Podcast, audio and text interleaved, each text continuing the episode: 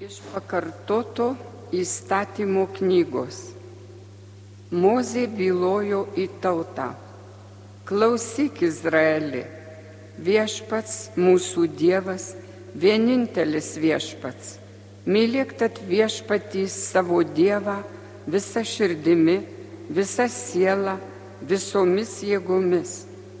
Šie žodžiai, kuriuos tau šiandien sakau, tai įsminga giliai tau į širdį. Įkalk juos ir savo vaikams. Kalbėk apie juos, kai sėdėsi namie ir išvyksi kelionin, kai gulsies ir kelsies.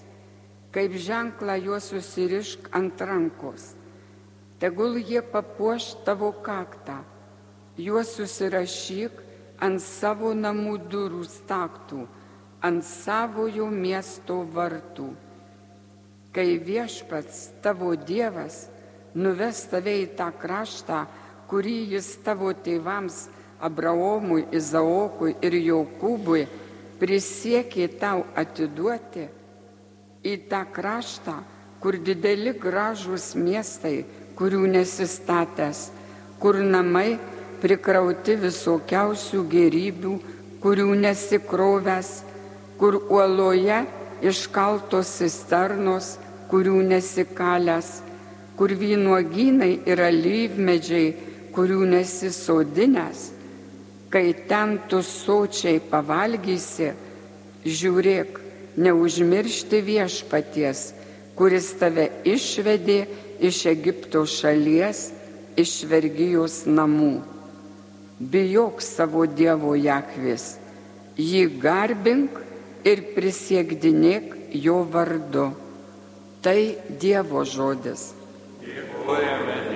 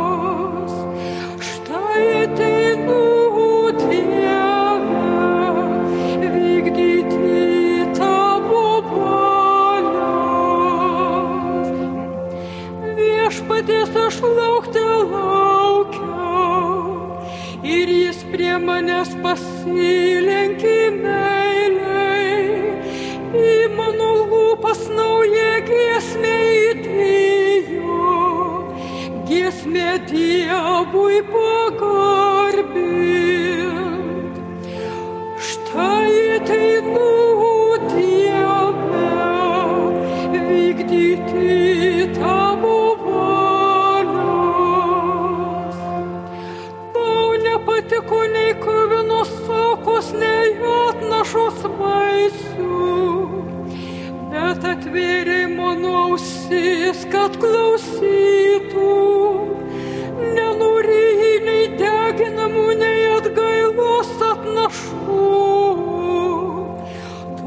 Tuomet aš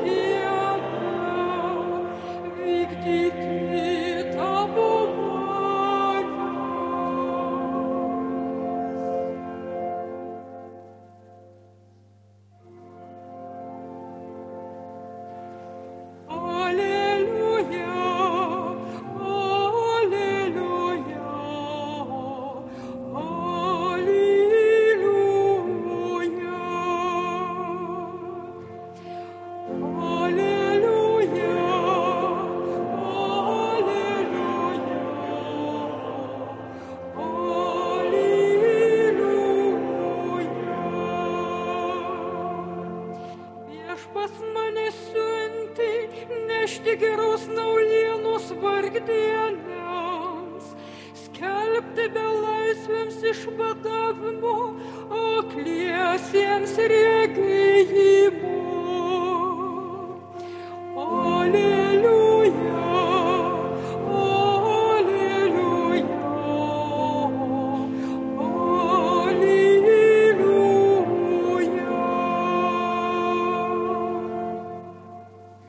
Viešpat su jumis. Pasiklausykite Šventojios Evangelijos pagal Matą. Prie Jėzaus prisertino vienas vyras. Puolė prieš jį ant kelių ir maldavo. Viešpatie, pasigailėk mano sūnaus. Neretai jis įpuola į ugnį ir į vandenį. Aš atvedžiau jį pas savo, tavo mokinius, bet jie nesugebėjo išgydyti. Tada Jėzus atsakė, oi netikinti ir sugėdusi karta, iki kol man reikės su jumis būti, kaip ilgai man reikės jūs kesti. Atveskite jį čia pas mane. Jėzus sudraudė demoną, jisai išėjo ir tą pačią akimirką berniukas pasveiko. Likę vieni mokiniai priejo prie Jėzaus ir paklausė, dėl ko mes negalėjome jo išvaryti. Jis atsakė, dėl silpno tikėjimo. Iš tiesų sakau jums, jei turėtumėte tikėjimą, kaip garstyčios grūdelį, jūs tartute šitam kalnui. Persikelk iš čia į tenai. Ir jis persikeltų, jums nebūtų nieko negalimo. Girdėjote viešpaties žodį. Evangelijos žodžiai tai naikina mūsų klaidas ir kaltes. Mėly tikintieji, šiandieną norėčiau savo pamokslą pradėti šiais žodžiais. Garbingasis Suvalkijos krašto sūnus, palaimintasis arkivyskupas Jurgis Matulaitis yra pasakęs tokius taiklius žodžius. Būkime gudrus, kuklus ir protingi. Darykime, kas galima, bet būkime ir drąsūs ir drąsiai eikime prie savo tikslo. Tvirtai tikėdami, kad Dievo apvaizdos ranka mus veda ir neša. Šių naujųjų laikų žmogus sakytų, gudrumas gerai, o kam reikalinga žmogui kuklumas ir protingumas. Gal kuklumas ir protingumas tampa mūsų laikų atgyvena, antikvarinė relikvija ar seniena, praeities dulkėmis. Tokio mąstymo rezultatai - uždarinėjamos mokyklos, bibliotekos, bendruomenių namai. Nes vieni nieko nenori, tiksliau nori, kad už juos kas ką nors ir kažkada darytų, kiti nori valdyti optimizuojant. Mėgsta pokyčius, juk nugriauti lengviau nei suremontuoti ar atstatyti. Per krepšinio ir futbolo rungtynės sirgaliams lengva reikti įmesk, įspirk, laimėk. O kaip sunku žaisti ir kovoti. Čia neužtenka reikimo. Reikia protingos kovos, reikia pasiruošimo, ištvermės, nuojautos. Palaimintasis Jurgis Matulaitis buvo misijos žmogus. Socialinė misija. Savo gyvenime turėjęs labai daug įvairaus darbo patirties, palaimintasis ryškiai pasižymėjo socialinėje veikloje. Dėstydamas vienoje mokykloje, jis tyliai pradėjo organizuoti priemiešių darbininkus, rašoma Stasio Įlos knygoje, kad juos subūrė į 50 tūkstančių organizacijų. to rezultatas buvo apšauktas bažnyčios priešo, liberalų, socialistų. 1907 metais buvo pakviestas dėstyti į Patrapilio akademiją sociologijos. Įkvėpė pedagogą Jurgutį organizuoti būsimus ateitininkus. Socialiniai klausimai žmonijos gyvenime visuomet aktualūs, dažnai skaudus ir negalima nukrypti vien tik į socialinę veiklą. Todėl to socialinio kelio Jurgiui Matulaičiui neužteko. Jis pasuko į charizmatinę misiją. Kad įvyktų, įvyktų charizmatinė misija, reikalingas visiškas savęs įsižadėjimas. Privaloma, būtina pilnai atsiduoti ir pasišvesti bažnyčiai. Visur Kristų nešti, viską Kristui atgaivinti. Ir jis atgaivino Marijonus Lietuvoje ir dar keturiose šalyse. Įsteigė moterų vienuolijas, patikslino, koregavo vienuolynų regulas. Tai kruopštus, atidus ir labai sunkus darbas visomis prasmėmis ekumeninė misija. Šios misijos jis dėja nebaigė, mirtis buvo greitesnė.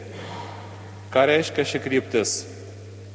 Ogi tai, kad pasauliečiai ir dvasininkai bendrai ir kartu turi spręsti katalikų problemas tiek viduje, tiek ir išorėje, savo dalinėje ar visuotinėje bažnyčioje, bendradarbiaujant su kitomis konfesijomis ir tikėjimais. Pasauliečiai kviečiami į apaštalavimą bažnyčioje. Jurgis Matulaitis įkvėpė popiežių Pijų XI skelbti pasauliečių apaštalavimą ir tai aiškiai matosi Vatikano visuotinio antro susirinkimo gairėse. Šiems laikams, o kaip pagelbėtų visos trys jo misijos fazės. Piktų žmonių bendruomenėje kokios yra žmonių sielos. O jos dėja nebėra taip kantrios ir pajėgios laukti, kada žmogus nebelaukia ir praranda kantrybę, jis tampa egoistu, vartotoju, tuo, kuris dažnai eis į kraštutinumus. Tikinčių žmonių bendruomenė taip pat išgyvena šį gundimą užsidaryti, gyventi tik savo, nesidalinti. Tokiu būdu silpnėja tikėjimas. Mato Evangelijoje jūs visi girdėjote, kaip Jėzus sudraudė demoną, kuriam išėjus berniukas pasveiko. Kodėl mokiniai negalėjo demono išvaryti? Juk turėjau Jėzaus galę, ko dar reikėjo. Reikėjo stipraus tikėjimo. Neužteko silpno. Mes visuomet esame silpni nes savo sielos nemaitiname. Jie reikia stiprinti Jėzaus Kristaus prisikėlimo faktu. Mes turime prašyti šventos dvasios ugnies, kad mus pabudintų, mus pakurstytų. Nereikia, kad nudegintų bužaizdos. Dievo mes visuomet galime prašyti visko. Deja, negalime nei šantažuoti, nei reikalauti kažko daugiau iš Dievo. Ponas Dievas geriau žino, ko labiausiai mums reikia. Pas Dievą nėra nuopelnų, jo logika neproto, iš širdies vidaus gelmė, dažnai mūsų net nesuprantama čia ir dabar. Jo sūnus Jėzus Kristus sunaikino mirtį, kad nušviestų mūsų gyvenimą Evangeliją. Mėlyjeji čia susirinkę žmonės, savo gyvenime dalyvaudamas atlaiduose ir minėjimuose, kurie susiję su palaiminto Jurgiu Matulaičiu, klausydamasis pamokslų negirdėjau, kad kas paryškintų palaiminto gyvenimo metus. Gal parklausau. Tai padarysiu šiandieną nes nesulaukęs 56 metų Jurgis Matulaitis mirė. Mūsų viskupijoje yra ne vienas kunigas iškeliavęs pas viešpatį panašaus, net jaunesnio amžiaus. Tai kunigai Antanas, Fransas, Viktoras, Remigijus. Mašiau nekartą ligonio Jurgio kaulų nepagydoma lėtinė lyga, kuri žvėriškai alino organizmą. Sielo vadinė, dvasinė, pedagoginė veikla, nepakankamas maitinimasis, paskyddykai ir askezė, nemiegotos naktys. Visą tai sudegino, visą tai suderino palaimintasis savo gyvenime, visko pakako. Tačiau būkime teisingi. Tai tikrai įdegino ir sudegino kaip tą žvakę ant viešpaties altoriaus. Paauglystėje mačiau kino filmą, būdama 16-17 metų, pastatytą gruzinų 1984 metais. Šio filmo pavadinimas Atgaila. Jį leido tik žiūrėti po kelių metų Tarybų sąjungos prezidentas Gorbačiovas ir jisai buvo matomas tik 1987 metais, kai prasidėjo Tarybų sąjungoje perestroika. Kas man išliko iš šio filmo neširpus filmo sužetas. Jūs galite visi internete pažiūrėti, paskaityti atsiminimus, recenzijas, kas ten filmas, bet jis širpus ir sunkaus turinio. Man įstrigo kaip augliui filmo pabaiga. Vieno žmogaus gintauto mažeikio straipsnį internete susiradau, parašytą 2014 metais rūpiučio 4 dieną. Jis vadinasi Tengizo Abuladzės filmo Atgaila turinys ir likimas. Filmo pabaiga. Paskutinėje scenoje tremtinių duktė kalbasi su senute kuri jos klausia. Sakykite, ar šis kelias nuves iki bažnyčios? Tai Varlavumo gatvė, nes ši gatvė veda prie šventyklos. Tai kam tada jis reikalingas? Kam reikalingas kelias, jei jis nebeda į bažnyčią? suraskime tą kelią į bažnyčią, į šventumą, į palaimintojų Irgo Matulaičio asmenybę,